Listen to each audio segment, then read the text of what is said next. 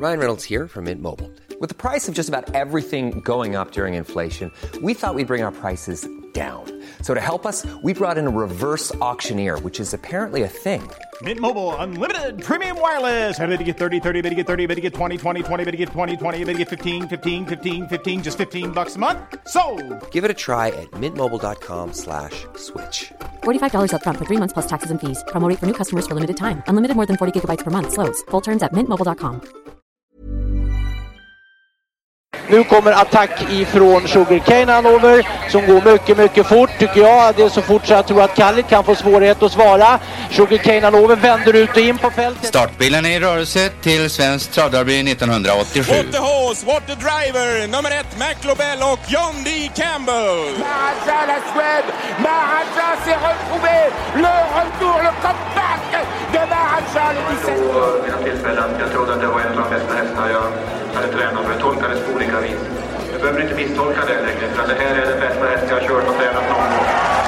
Då var det tisdag igen och ännu ett avsnitt av Trottosports podcast. Det är alltid trevligt. Eh, Lennart Persson, Magnus Ståhlberg sitter på eh, annat håll i landet och jag sitter i Skåne, Henrik Ingvarsson. Och hälsa välkommen till detta 84 avsnitt. Återigen så slog det mig här när jag eh, scrollade förbi Adrian Colginis Twitter eh, och, med utlagd film och med kommentaren Ultion Face preparing for the Swedish Derby. Det är oklart varför han välja engelska dock. Men, men eh, vilken sa du att det var sa du? Ja, just det. Ultion, Ultion Face. Vil, vilken är det? Säg nu. Jag har ingen aning. Nej. Alltså är Face hästar det svåraste kan... Vad, vad är det som gör detta? Att det är omöjligt att hålla reda på dem? Är det det värsta? Alltså är det någonting med... Jag vet inte. Är det lika svårt att hålla reda på Boko-hästar till exempel? Jag kommer ihåg alla sundhästar, men man var ju yngre, rappare i huvudet kanske. Men det var inte så svårt i och för sig. Ja, jo det var det kanske. Men, ja, jag... Jo, jag blandade ihop sundhästar också vid, något till, vid flera tillfällen. Alltså. Det, Ja. ja. Ja, det går, det går inte alltså det här. Face-hästarna. Det är helt omöjligt.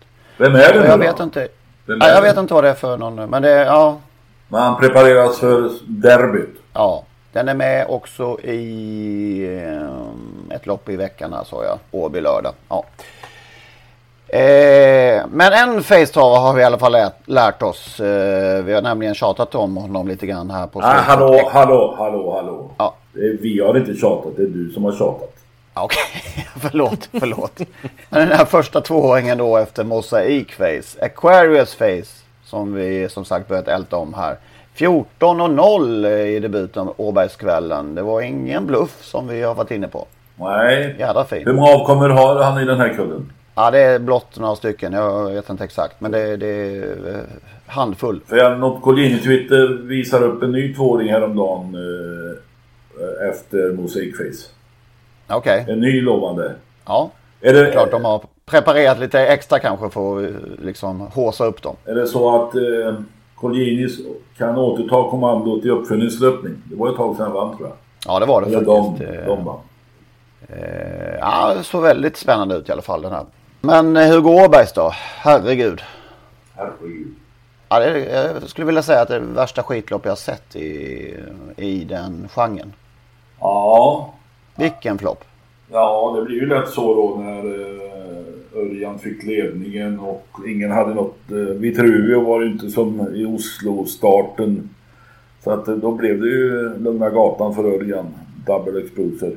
Eh, 11 första fem, det går det inte i... Jag tror inte det går det med, i mer än två sprinterlopp per år på Jägers. nej. I, oavsett klass. Nej. Och då blev det ju naturligtvis så. Inget lopp. Eh, det som stod mig innan loppet från tv-sändningen är att om, om eh, Ecuride vinner detta lopp så är han världens bästa häst. Och det kändes ju som att eh, på något sätt vis dra iväg. Hur ska man, bara för att man vinner Hugo Åbergs från spår 10, helt plötsligt vara världens bästa häst. Alltså ja, Facetime Bourbon finns ju någon som heter. Möjligen skulle kunna vara bättre. Manchego och flera andra. Eh, det skenas iväg och, och det blev ju väldigt, väldigt mycket snack om Ecuride och han var ju naturligtvis chanslös inte bara för att loppet blev som det blev utan från början till slut från bricka 10 i, i Hugo Åberg så det kändes ju som den här mystiken som de gärna vill återkomma till i tv-serien. Den, ja, det blev pyspunka bara för att han inte vann. Han gjorde ett kanonlopp förmodligen. Ja, det såg ja, det gjorde han ju. Ja. Det går ju inte att springa snabbare. Nej, och, men ändå liksom det känns så förbaskat trist att... Vad skulle han ut och göra? Ja, det... Det, det är dit du vill komma? Ja, alltså jag... Jag pratade med ägaren några veckor innan, delägaren, den ena ägaren, av ägarna. Och han sa att vi ska inte... Vi ska inte åka till Hugo Åberg för han har inget att bevisa just nu, vår häst. Och det, det, det, var ju det som stämde. Han har inget att bevisa och på något sätt så... Stjärnglansen fick i alla fall en liten törn. Det är alltid något visst med de här som aldrig har förlorat. Och det bara fortsätter liksom. Så att, ja. Det är som jag alltid hävdat att det är lätt att hitta och anmäla hästar till lopp. Det är svårare att avstå. Mm.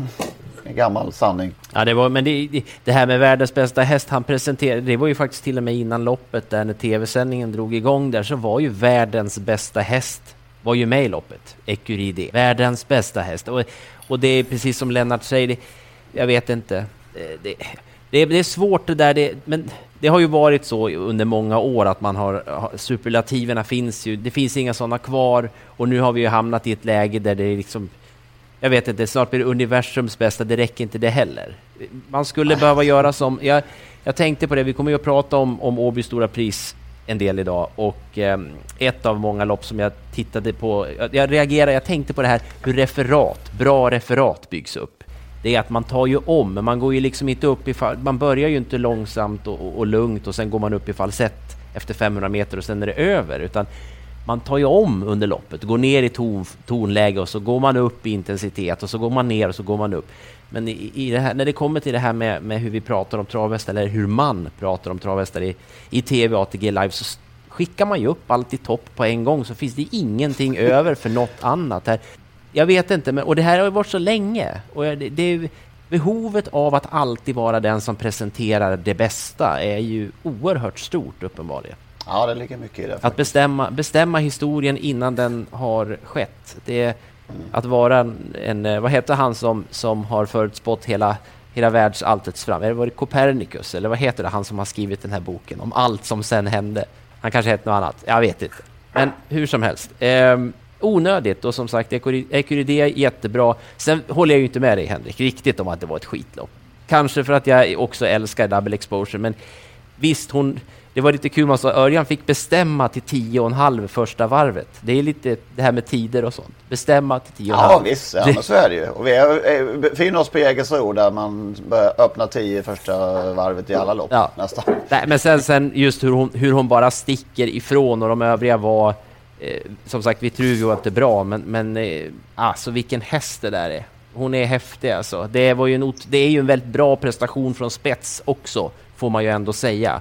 Eh, tycker jag. Vi säger som, vi, som det brukar heta, ingen skugga faller över Nej, men, men hon, alltså hon sprang ju, som du säger Magnus, hon joggade ju ifrån Cockstyle som ändå var tvåa i Elitloppet. Jo, exakt. Det var ju, det var vi, och samma här, man pratar om det bästa Åbergs någonsin redan innan det var kört. Eh, och eh, det kan man ju också diskutera då, men, men hennes prestation är ju... Eh, jag, jag, hon är väldigt, väldigt spännande. Han har väldigt många sådana hästar, Daniel Redén. Det kommer vi, återkommer vi till varje vecka. Det är otroligt. Men han är, han är inte med på lördag i Åby Stora. Det är ovan, ovanligt att inte se honom i en startlista i ett, ett, så stort lopp. Han har väl inga, just nu inga direkta hästar som eh, tål lång distans. Eh, nu när Propulsion är ställd i, i utvisningsbåset. Nej, så kan det vara. Nej, han var ju inbjuden. Han var inbjuden med double exposure ju. Eh, och eh, hade ju tydligen sagt kanske.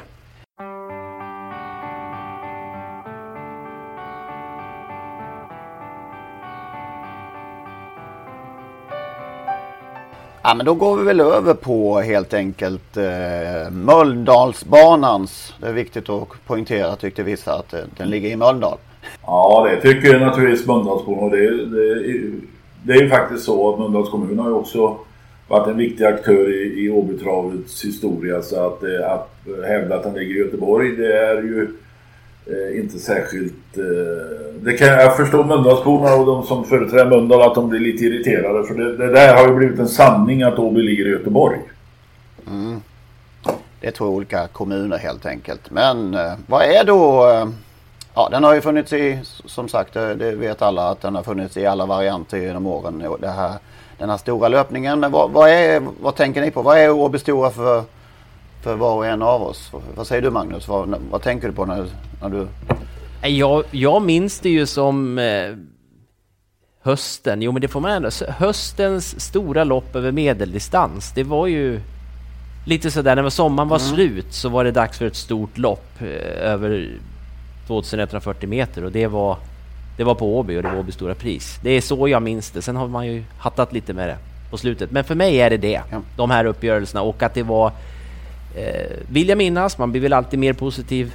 man minns det man vill minnas, men, men att det var ett bra lopp också. Det var, det var väldigt bra hästar med. Vad säger du Lennart? Ja, men det har ju ja, höstens stora lopp. Eh, Eh, under en period kördes det ju i, eh, veckan eller två veckor innan Elitloppet så att det har inte, inte bara distansen ändrats utan även placeringen av loppet i årskalendern. Eh, för mig eh, var Åby Stora Pris, jo jag jobbade på Göteborgs-Posten i 17 år och hade ansvaret för travet i 10 år, var sportchef i några år och jag också hade på något sätt lite ansvar för travet. Och och då var ju det, det stora loppet, Kungapokalen i all ära, men Åby Stora Pris var ju det stora loppet på Åby under året tyckte jag. Framförallt att det kom då ofta franska, mycket bra franska hästar som naturligtvis passade bättre på medel eller längre distans än, än Elitloppsdistansen. Även om det kom många bra franska hästar till Elitloppet också. Ehm, det som har fångat mig genom åren, det är några vinnare sen vilken distans? Eh, är, är, det, är Åby Stora 2140 meter för dig också? Ja, det får jag nog. Ja, det 2600 meter som det var en gång i tiden. Nu har man ju dratt. Det kanske är så att med tiden ändras förutsättningar. Det blir bättre banor, det blir bättre hästar. Så 2600 meter kanske då ska vara 3100 meter som idag. Men 2600 meter som det var nu är det 2640 nu för tiden i och för sig. Men det var ju Åby Stora 2,6 många år. Nej, 2600 meter skulle jag nog förorda. Eh, ja, vad skulle du säga? Två vinnare långt tillbaka i tiden då. 1967 kanske? Ja, får jag börja... Får jag, ja, det är ju ett bra år. Får jag börja med 66? När Orloff vann. Alltså Orloff var en import från Frankrike. Tillhörde den oårgång med eh, Osso, Oscar RL, Otka och flera. Hon kom ju också till Sverige. Och Importerades till Sverige. Denne Olof hamnade hos Uffe Reslow på Solvalla. Och var en kanin som Jackie Bert och jag brukar säga om dåliga hästar. Eh, eh, den flyttade, eller såldes till någon i Göteborg men han ledsnade också och eh, frågade då en god vän eh, Stalkeb, Karl-Erik Bengtsson tror han hette, möbelhandlare om han ville köpa hästen. Och Bengtsson bjöd väl eh, då en soffa och två fåtöljer tror jag det var. Och denne Pettersson som var ägare tackade nej. Men då la eh, Bengtsson på en tusenlapp. Och då fick han hästen. En soffa, två fåtöljer och en lax. Ja, så var det. Och det var ju då eh, mitten på 60-talet där. Sen får ni räkna ut vad det är i dagens penningvärde. Och vad en soffa kostar. Ja, exakt. Jag tänkte säga det. Det är det som är det svåra att veta vad, hos, vad det var för värde på soffor då. Ja. ja. Men i, år, eh, i Algot Scotts regi så radade den där hästen upp segrar eh, på Åby och var på Axfall en gång också där 66 då alltså. Och så kom han ut i Åby stora pris och vann efter en tuff slutstrid eh, med Moneymaker och Bernt Lindstedt. Algot Scott satt blickstill i, i sulken och Lindstedt drev faktiskt för honom väldigt olikt. Och till alltså ett enormt jubel på Åby. Ett enormt jubel. Olof var ju hemmafavoriten och lilla Aldo Scott var ju hemmafavoriten. Så det var en, det var en härlig seger. Men 1967 var ju naturligtvis den största segern. Fenomenet Lill-Mavi vann. Ja. Alltså, alltså det är ingen som förstår Lill-Mavis historia. Hon debut, debuterade som fyraåring, vann Nordiska femåringspriset för sin tränare Jon Sved som femåring. Blev skadad som sexåring, blev fölmer Kom tillbaka som nioåring och vann bland annat 12 segrar på Axel det året. Bernt Johansson, en av de bästa vi haft tror jag, som tyvärr omkom i en bilolycka. Eh, körde då och sen fick Svenning Eriksson ta över. Och hon vann Åby stora pris. Det var 18 hästar med i loppet. Jag tror hon hade spår eh, bricka 17. Och hon låg nästan sist när hon svängde in på upploppet. Uno Sved hade 100 meter från mål räknat in segern med Rodney Keene, Lill-Mabill med sin enorma avslutning lyckades plocka ner Rodney Key. Och Sved var lite sur efter berättar kusken då, Svenning Eriksson. Men till slut sa han Grattis Svenning! Det var ändå gött att vi slog stockholmarna. Kan tänka mig. ja, ja det, det är ju, låter häftigt när du, när du berättar. Finns, det finns inga rörliga bilder på det här va? Det lär finna. Vi hade hoppats att få se rörliga bilder från Färjestads jubileumslopp som var samma år i skiljet med Sante. Men eh, de finns inte. Men någon lär ha bilder från Årjängs stora sprinterlopp kanske det heter då. Årjängs stora heatlopp. Där hon då förlorade skiljehitet mot Sante. Den dagen var hon inte hundraprocentigt fräsch. Alltså hon köptes för 5000 kronor av Allan Ljung eh, uppe i Stockholm på Väsby stuteri. Han hade fått ett farsarv och han investerade detta i, i denna häst då som eh, faktiskt vann 54 lopp på 74 starter. Lill-Mavil, Lill-Mavil. Ja, alltså det det, de som var med minns henne och de som inte var med kommer aldrig förstå hur bra hon var. Fast du gör ditt bästa för att... Uh... Jag har, jag har tagit det som... Jag har tagit två saker som min livsupp, livsuppgift och det är att försöka förklara hur bra Lill-Mavil var. Det andra är ju att försöka förklara för dårarna att man inte kan använda att det, alla säger att det är, är kaos i stormens öga där det är kav lugnt alltså. Så länge jag har huvudet i boll så kommer jag propagera för Lill-Mavil och stormens öga.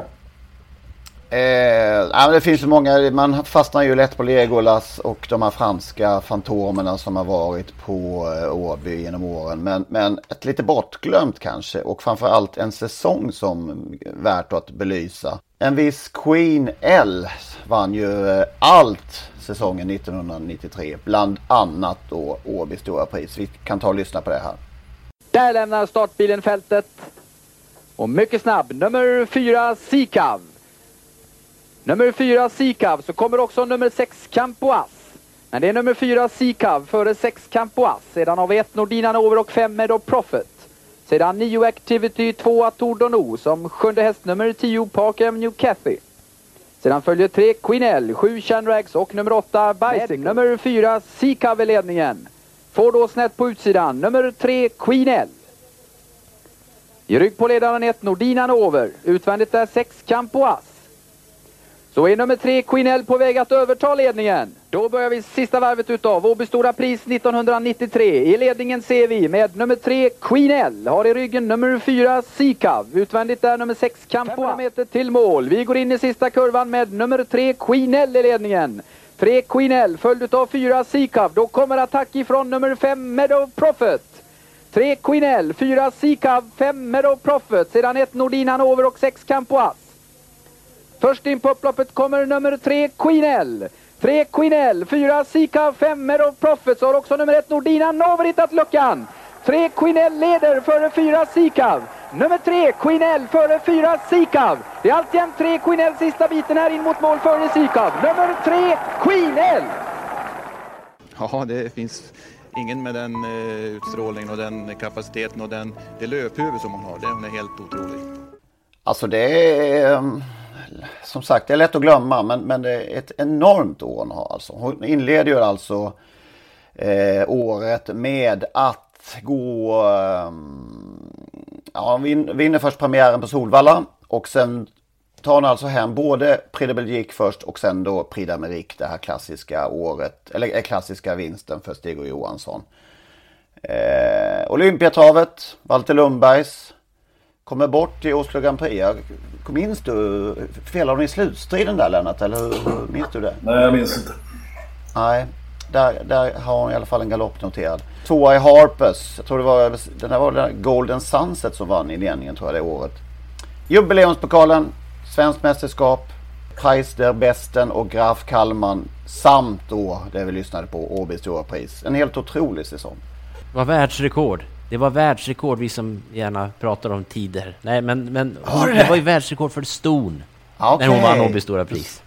Ja, det är viktigt. Då hade hysterin lagt sig lite, men, men det var ändå ett Ja, det hade den faktiskt. Det hade Mm. den. Ja. ja, det är... Ja. Och, och då ska man säga, det var denna häst som Stig och Johansson efter fyraåringssäsongen rekommenderade ägaren Tore Larsson att ta till aveln. Det här går inte. Kommer aldrig gå. Nej, nej det, är, det är ingen idé att fortsätta tävla ansåg Stig. Och Tore Larsson, ni minns den här lille charmige farbrorn med hatten. Ja, visst, som visst. publiken älskade. Men han, han ansåg väl då att han var för gammal för att ha ett avelssto så han tyckte vi, vi, vi stretar på. Mm. Och som det stretades. Nej, Stig har nog aldrig haft mer fel i hela sitt eh, travliv. Tror vi inte. Nej, det var häftig häst. Häftig Ja. häst. Aldrig att hon var så fin som i ett annat lopp det här året. Det är lätt att romantisera saker. Men jag minns eh, det här jubileumspokalsloppet. Det hade ju regnat något vansinnigt i Stockholm. Innan och under detta dygn när jubileumspokalen avgjordes den 7 augusti. 42,9 millimeter letade rätt på att det hade regnat just detta dygn. Eh, det var ju alltså fullkomligt plaskvåt eh, banan. Och det här lilla stoet då. Hon fullkomligt svävade fram. Som Jesus gick på vatten. Eh, så, så, svävade hon fram på, på Solvallsbanan den här lördagen. Jag tror aldrig jag sett henne så demoniskt fin som, som, som just det loppet. Fantastiskt. Det kommer jag aldrig glömma. Nej, men hon var ju som gjord för tungbana. Hon var ju gjord för mycket, men, men hon var ju som gjord för tungbana med sin väldigt eh, flacka gång det där. Det var ju, Ja. vi nämnde ju Legolas nyss där och angående Åby Stora Pris, men det var den typen av, den typen av aktion i alla fall. Det var inte jättemycket böjning på knäna där, utan det var, Nej, det var långa steg liksom.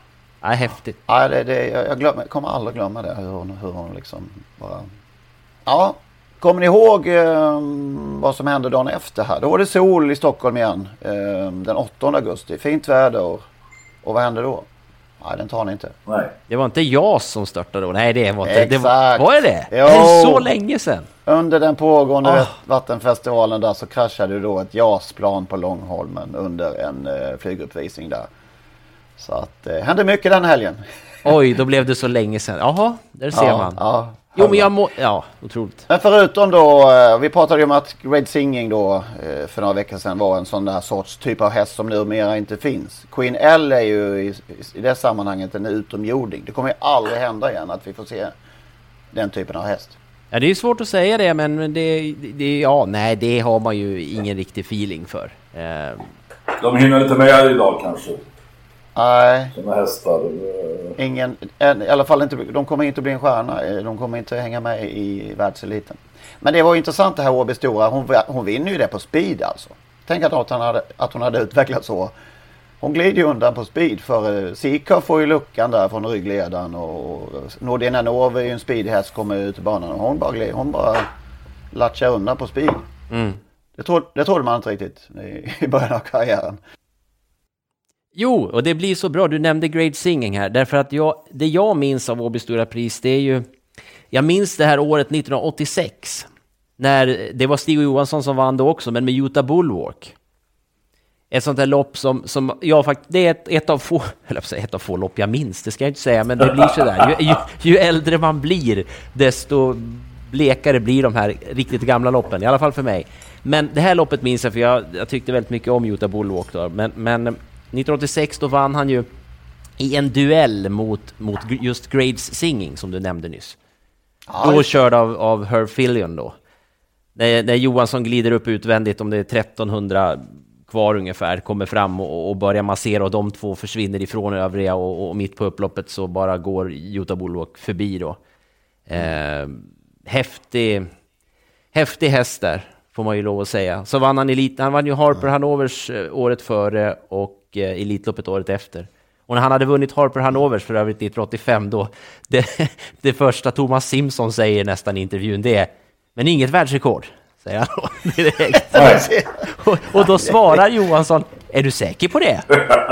Ja, och, då, och då blir Simpson osäker därför att han har inte koll på vad det är för, för världsrekord. Ja, men, men, det skulle ställa frågan. Var han, inte, han var nog inte beredd på att Stig skulle vara så mottaglig för eh, en sån eh, och lite, lite skämtsam liksom. Det var han nog inte heller riktigt beredd på. Nej.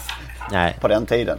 Ja. Nej men som sagt Utah Bulwark, hef, väldigt häftig, häftig häst som, som, som jag aldrig glömmer. Och sen senare 87 sen då och det kan säkert Lennart detaljerna om och det har säkert pratats om det tidigare då. Då var plötsligt Johansson ingen bra tränare längre utan då fick inte Jota Bulwark vara kvar. Eh, ja, men herregud, det är ett lopp på lördag också. Eh, det blev väl ett ganska schysst lopp det här. Ja, alltså det enda, enda trista det är ju att Fercrys, eh, Pierre Fercrys, den franske tränaren, backade ur med sin eh, en gång i tiden Europaderbyvinnare. Den hade varit ett fint inslag i detta för övrigt fina lopp. Mm, vad tror vi? Det är alltså den tredje, eller jo, tredje upplagan som går över 3140 meter med bilstart. Eh, ja, men en av dem som väl kom in ganska sent i loppet blir väl kanske favorit nu då. Eh, Who's Who. Det tror vi va? Eller? Ja, eh, Hoso var ju med på Jägersro Åbergstan i långloppet där och han vann ju det där loppet utan att delta kan man nog säga. eh, ja. Jag satt hemma och tittade, vi satt och tittade tillsammans här och, och Örjan han var nere på innerspår så gick han ut ett spår och så körde han lite i halvspår och satt han där bak och ja. Det där är ju preparerlopp insåg vi. Han kör för att vässa hästens form till att bli stora om han vill få vara med. Och så helt plötsligt så gick han ut och bara blåser ner dem över upploppet. Och, och, och, det är ändå eh, befriande att det går att vinna så också för ja. 2020 fortfarande. Jag vet att företrädaren för travkompaniet Annika Lindblom skrev en kommentar på Facebook, eh, något jag hade skrivit att jag har aldrig skällt så mycket på Örjan Kihlström som under det här loppet.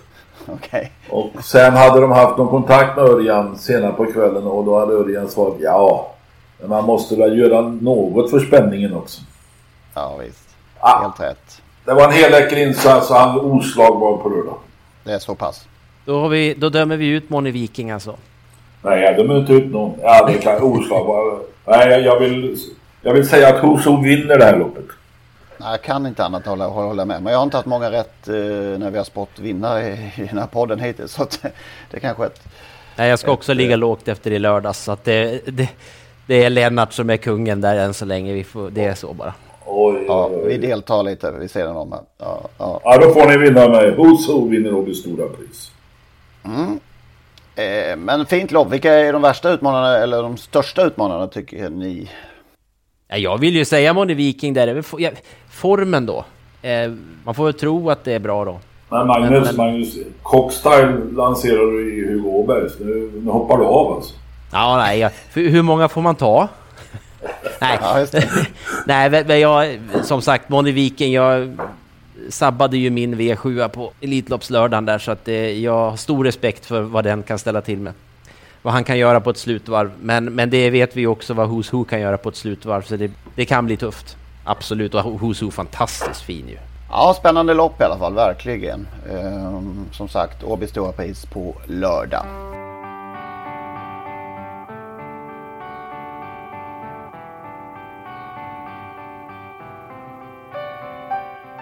När vi ändå då pratar eh, Queen L här så hon vann ju derbyt så småningom. Som vi alla vet. Och det närmar sig kval. Så småningom? Ja. Jag förstår. Hon ja, vann... tvärtom där ja. Ja. Hon vann stor, storchampionatet och derbyt innan hon vann eh, Åby. hon vann någonting annat höll jag på att säga. Ja. Men eh, likt förbaskat så är det snart eh, derbydags. Ja, Kval, kvalen går alltså den 25 augusti. Eh, ja, vad säger vi om dagsstatusen i... Eh, ja, det är ju lite uh, genrepande lopp i veckan. Det är dels British Crown-försök, eller kval, vad säger man? under onsdagen på Mantorp, V86. Och sen är det ju Ragnar Torngrens minne på lördag på Åby. Där bland Power och Marvelous Toma och den här Ultion Face då finns med. Och Mantorp har riktiga läckerheter på, på under onsdagskvällen. Ja, Atos Kronos, ja, Brother Bill och Ubiquarian Face, bland annat. Global Adventure också. Mm. Atos Kronos, eh, om jag minns rätt, såg rätt, så körs av någon ljuse för första gången. Ja, Magnus. Och det är uppenbart att Jerry Jordan eh, gillar den här Magnus ljus. Var det Magnus? Ja, just det. Ja, precis. Det är lika svårt att hålla reda på ljus som, som facehästar. Helt rätt. Vad skönt att någon annan sa det. Eh, så att där är ju några, Bill är ju en högintressant derbyhäst naturligtvis. Och Eitos Kronos. Och flera andra. Så här luriga lopp, sådana här inför stora uppgiften tillställningar liksom. Man vet inte hur de... Ja, lite avvaktande körningar. Kanske. Dessutom räcker det ju faktiskt med att vara bland de sex första för att gå vidare till semifinalen blir det. Ja, dessutom ja. Ja, helt lurigt. Du, du nämnde Power, han är kriterievinnaren Power som var kullen. Kullens kung i fjol får man väl säga då. Har haft svårt att övertyga i år. Eh, fyra starter tror jag utan seger. Eh, nu måste han nog visa lite grann för att kunna vara aktuell i derbysegerdiskussionen. Ja, intressant, intressant vecka där. Men, men vi, det är ju inget att säga om att, att eh, Don Fanucci sett i nuläget är klar favorit. Ja, nej, jag tänker att vi, vi behöver ju ha några bra prestationer från någon annan fyraåring nu. Vi, så att det blir lite spännande det här derbyt. För det, just nu så är väl, eh, det känns inte jättespännande derbyt som det har varit nu tycker jag. Det dyker, Utan... alltid, det dyker alltid upp någon under derbykvalskvällen. Ja. Det, det, så är det ju alltid. Så är det alltid. Men det är just att vi får spekulera lite grann och, och, och mm, det är roligt att vara lite oense också. apropå oddslist, långtidsodds, vad heter det? Ja, lång. ja. Så, så eh, läste jag i måndags igår på Twitter om att Propulsion finns med på Svenska Spel elitlottlista inför nästa år. Och det måste man beteckna som direkt oseriöst. Eh, utredningen är förvisso ännu inte klar men ingen tror väl på allvar att Propulsion skulle få chans att starta igen. Nej, då vill man ju ha 50 000 gånger då. Det, då skulle jag kanske spela ja. på spänn. Ja, och, men det är ju klart att det inte är seriöst. Just, nej, det var ju märkligt. Alltså dessutom man inte får pengar tillbaka om hästen inte kommer till start. Det är, det är rent, rent bondfångeri av ett ett av Sveriges största spelbolag, statligt spelbolag. Jag, jag, alltså jag är närmast i chock. Nej, det gör jag naturligtvis inte, men det är för jävligt.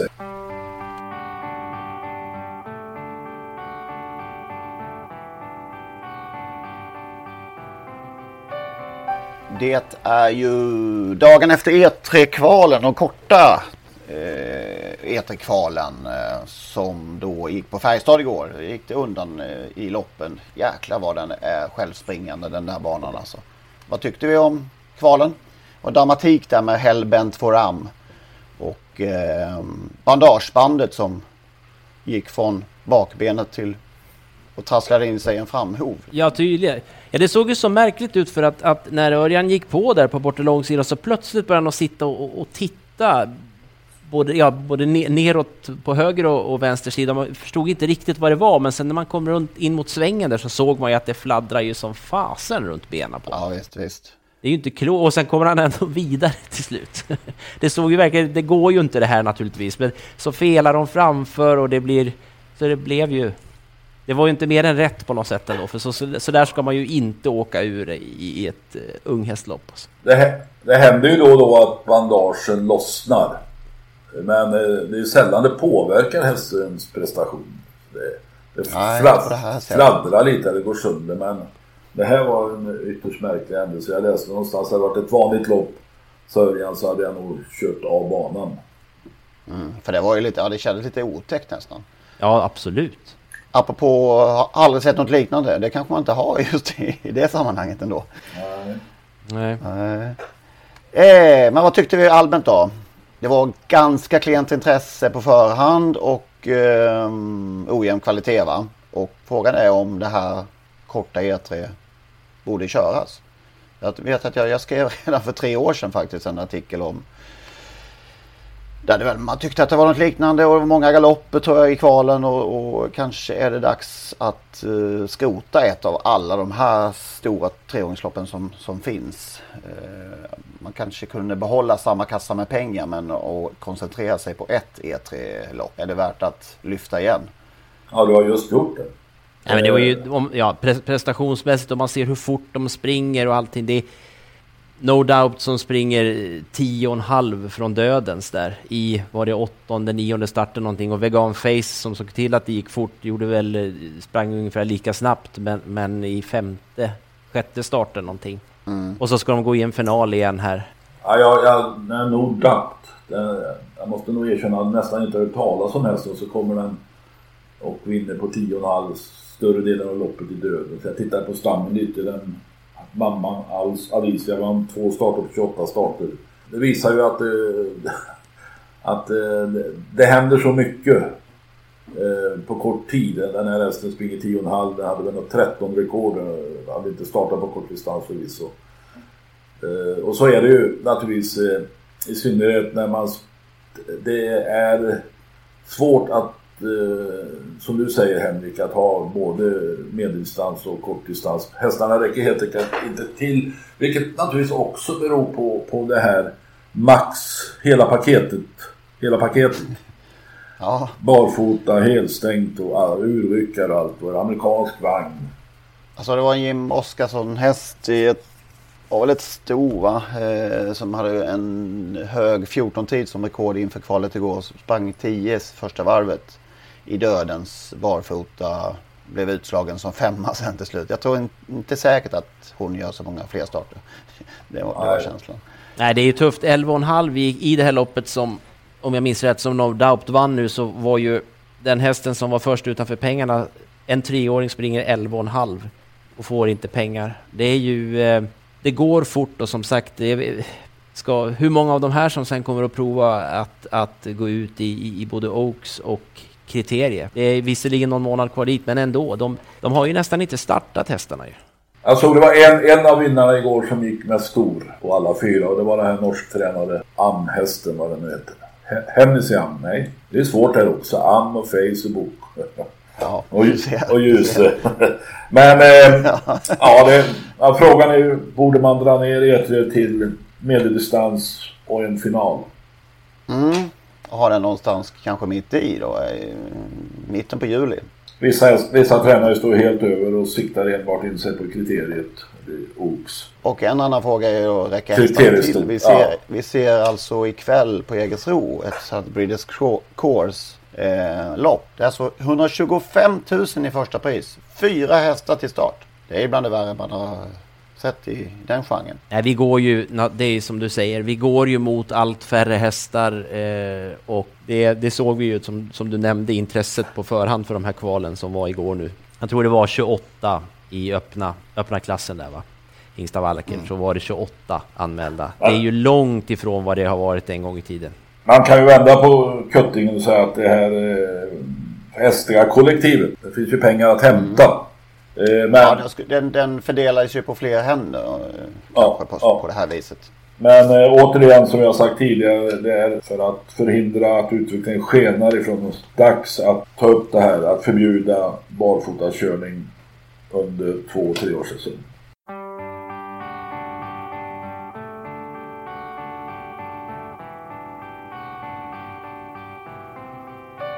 Intressant, jag läste på, jag vet inte om det var något, något Twitter-inlägg tror jag, att eh, det stämde det väl inte att från och med månadsskiftet här i juli-augusti så skulle alla, eh, var alla tränare i Frankrike tvungna att klicka i eh, grön, gul eller röd gubbe vid anmälning eh, för varje häst. Eh, det var mer en rekommendation vad jag nu förstod. Eh, men ändå, då, då ska man alltså, det är grön, grön gubbe ska man då klicka i om alla parametrar finns för att kunna vinna. Eh, gul gubbe saknar några parametrar för att kunna vinna. Och klickar man i röd gubbe då är det svårt att vinna. Så förutom då att man ska anmäla eventuell utrustning och vad man nu gör. Eh, så ska man också bedöma vinstchansen vid anmälning. Ja, jag, jag, gissar alltså att detta är ett sätt att komma till rätta med eh, preparerkörningarna. Eh, att man som spelare kunde direkt i programmet eh, eller i, ja, i förhandsinformationen få veta att den här hästen kommer att preparerköras i det här loppet. Tidigare har man ändå varit hänvisad till intervjuer i Paris Turf och andra eh, sådana här tipstidningar vad tränaren tycker. Här får man nu klart besked att det här är en preparerkörning. Jag trycker röd gubbe. Mm. Ja, vad tycker vi om det? Uh, ja, jag tycker det, jag tycker det är bra. För då får alla den rätta informationen. Uh, den officiella vägen. Vi kan jämföra med Sverige och, och jag, många protesterar högljutt mot detta, det är jag övertygad om.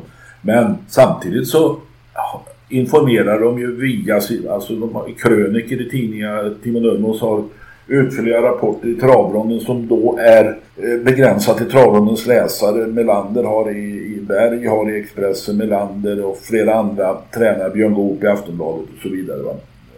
Och eh, där gör de då tydligt eh, besked om vad de tror om sina hästar. Så det är inte mer märkligt att man på ett enkelt sätt talar om att jag tror på vinstjakt, så jag tror möjligen på vinstjakt, det här är preparerkörning. Det är svårt vid anmälning dock. Då vet man knappt förutsättningarna. Det enda man vet då, det är som Lennart säger och jag tror likadant, att det kan, det kan inte ha med något annat än preparé att göra. För Nej. det vet du redan när du anmäler att det är preparé, men, men de, de vill tydligen inte då vara så tydliga med det då. Så då jag vet inte om det är en, en korrekt översättning det här med att det är parametrar, det gillar jag som uttryck. Det saknas några parametrar för att kunna vinna. Men det... är det metrar på loppet undrar man nästan. Nej, ja. intressant formulering. Ja, det kanske jag tror Google, att det, är... Eh, Google-översättning. Ja. ja. När du anmäler i franska lopp så vet du exakt vilka hästar som startar. Det kan ju slå på en hit eller en dit. Men det är som Magnus säger. Det spelar ingen roll motståndare. Anmäler du till ett lopp för att köra preparé så bryr du dig inte om vilka som, som, eh, som du möter. Det blir mer tydligt dock i ett sånt här eh, röd gubbe då. Då är det, då är det chanslöst. Då är det preparé. Men och det är ju så här i Frankrike.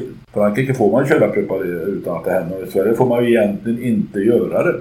Ändå görs det naturligtvis. Det är mer eh, anmärkningsvärt om en häst med röd gubbe då vinner än, än att man har läst det i Paris Turf. Titta där, han kunde inte vinna. Det var en röd gubbe här.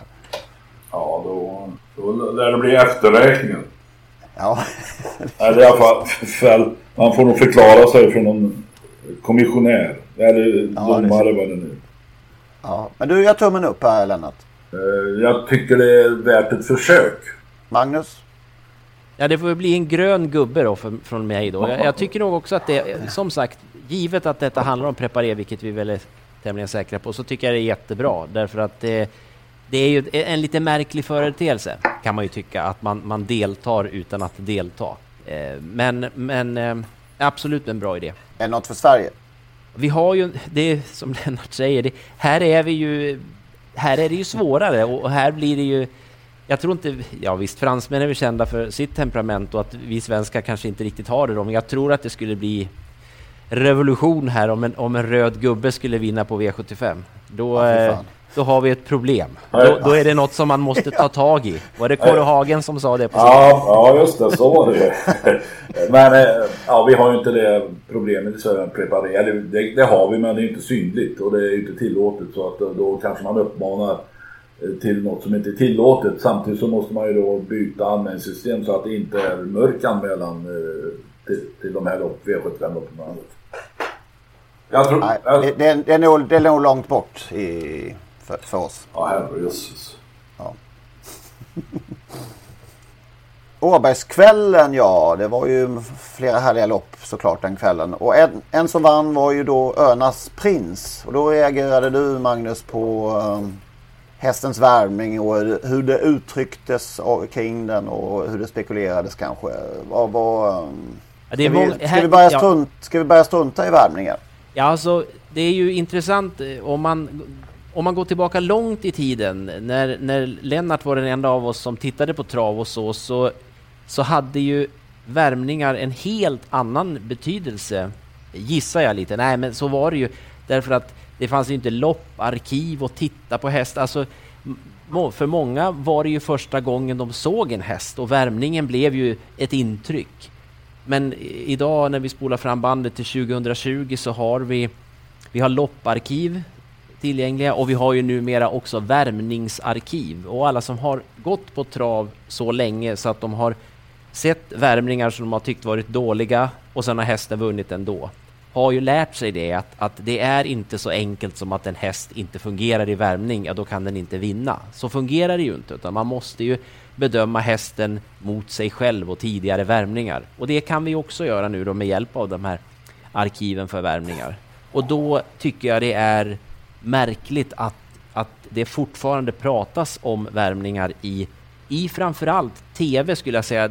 På, på, ATG Live så, det såg jag inte själv, men, men det fick jag en reaktion från Twitter, att på ATG Live hade man gått in och tittat på tidigare värvningar från Örnas Prins och kunde ju då se att det här var inget konstigt. Men i TV pratar man oroligt om att Per Nordströms häst inte alls fungerar och det här är väldigt oroväckande. Och det, det blir ju, vi har pratat om det förut, många uppfattar travsport som, som lite svårt att förstå det blir ju oerhört mycket svårare att förstå när, när experter sitter och talar om hur, hur svårt det blir för en häst att vinna, för den ser ju inte alls bra ut. Och sen leker den hem segern. Så där, ska man prata värmningar, då måste man göra det eh, i ett 2020-perspektiv och verkligen jämföra med tidigare. Man kan inte bara gå på ett intryck så där rakt upp och ner. Det, det, det funkar ju inte så. Jag tror det blir allt fler som, som liksom är över på den andra sidan av att eh, de i princip inte spelar någon roll överhuvudtaget. Jag tror det är, mång, det är fler och fler som inte bryr sig om dem alls. Nej, detta ständiga klockande också som hela ja, tiden, oj oj oj, 16 såg ut... Att, att, de, att det fortfarande fastnas i eh, 27-400 meter. liksom.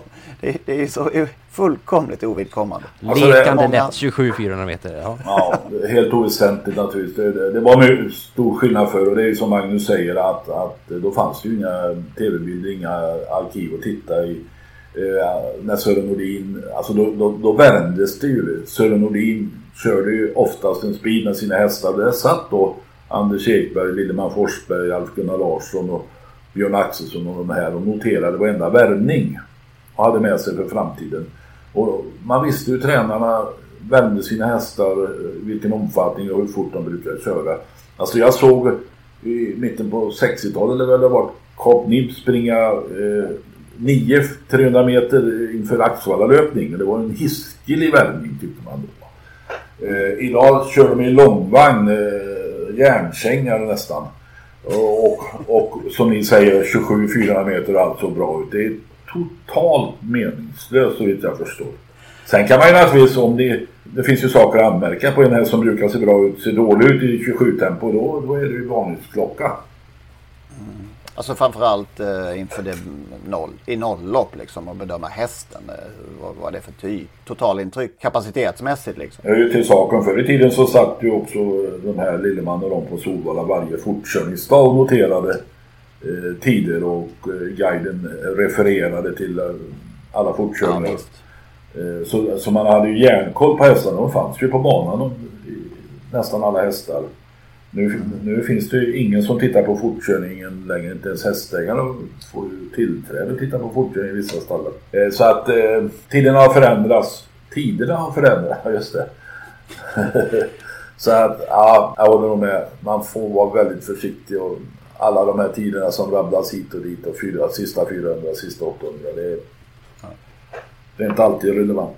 Nej, jag tycker jag, jag, har lärt mig en, jag har lärt mig mycket av, av eh, både Alf G Larsson, Affe och även eh, Björn Axelsson, Axel.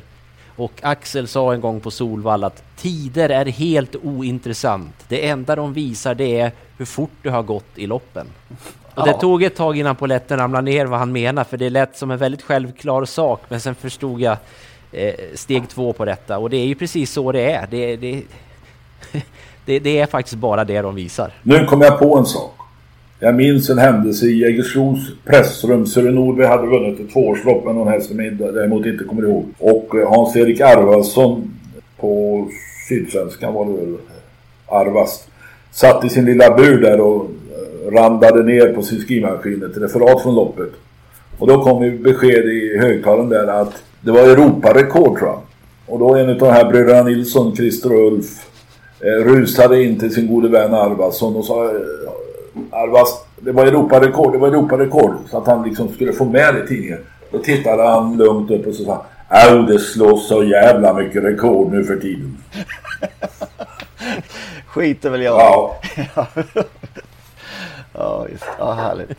Till slut kanske vi ska ta några ord om det som väl fortfarande del anser vara kanske det största loppet som körs på hela året i världen. Hamletonian avgörs på lördag. Är ni taggade? Ja, jag tror... Ja, det största i världen. För amerikanerna är det det största i världen. Det är i alla fall deras största lopp. Det är ingen tvekan. Det är det viktigaste lopp som finns att vinna. Eh, och, och det kan ju bli en unik händelse.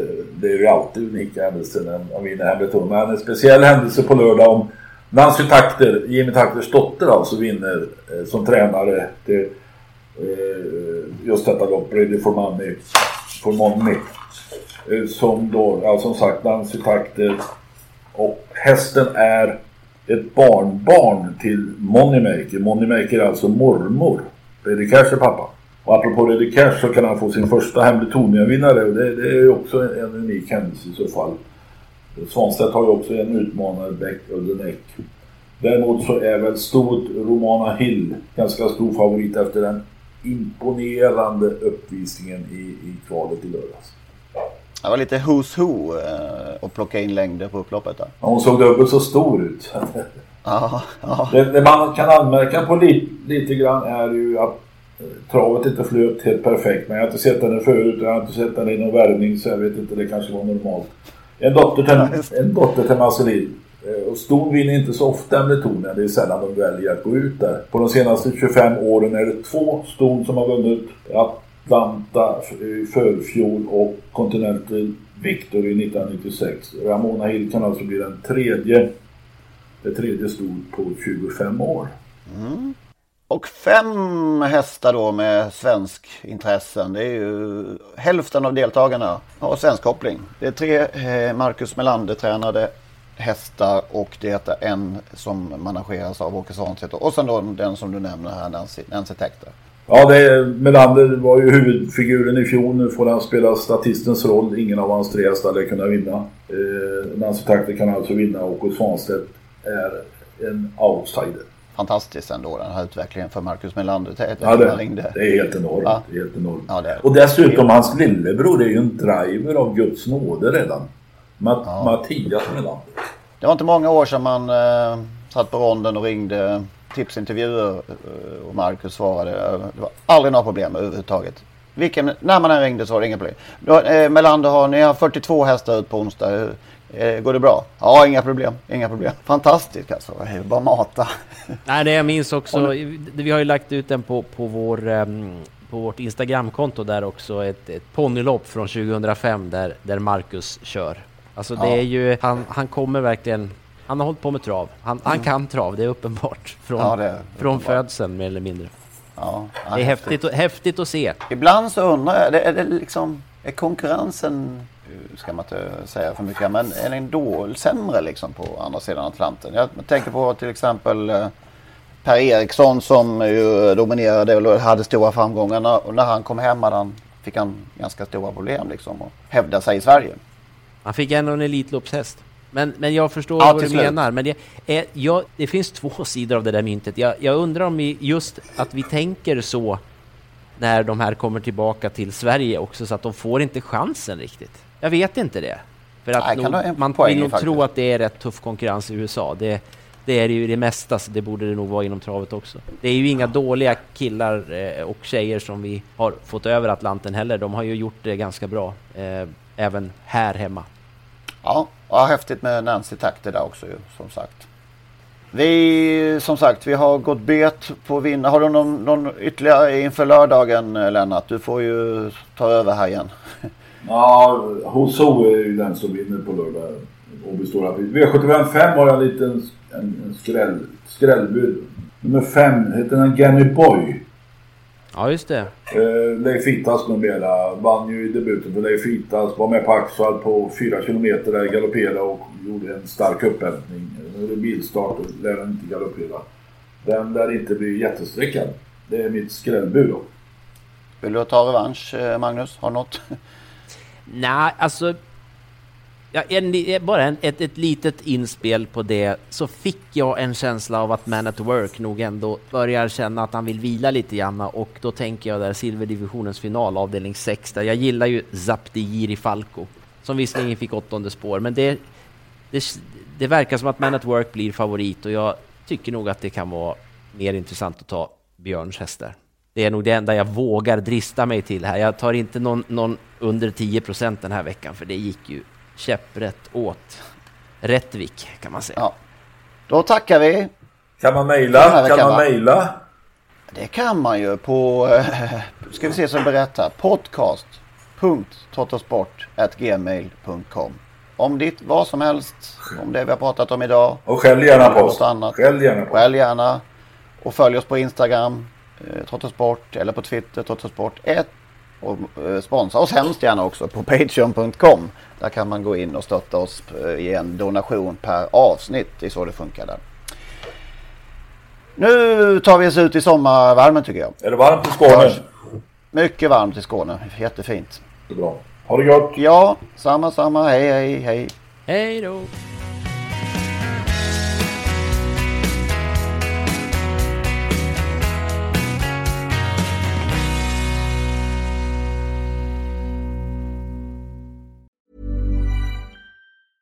Mom deserves the best, and there's no better place to shop for Mother's Day than Whole Foods Market. They're your destination for unbeatable savings, from premium gifts to show-stopping flowers and irresistible desserts. Start by saving 33% with Prime on all body care and candles. Then get a 15-stem bunch of tulips for just $9.99 each with Prime. Round out Mom's menu with festive rosé, irresistible berry chantilly cake, and more special treats. Come celebrate Mother's Day at Whole Foods Market.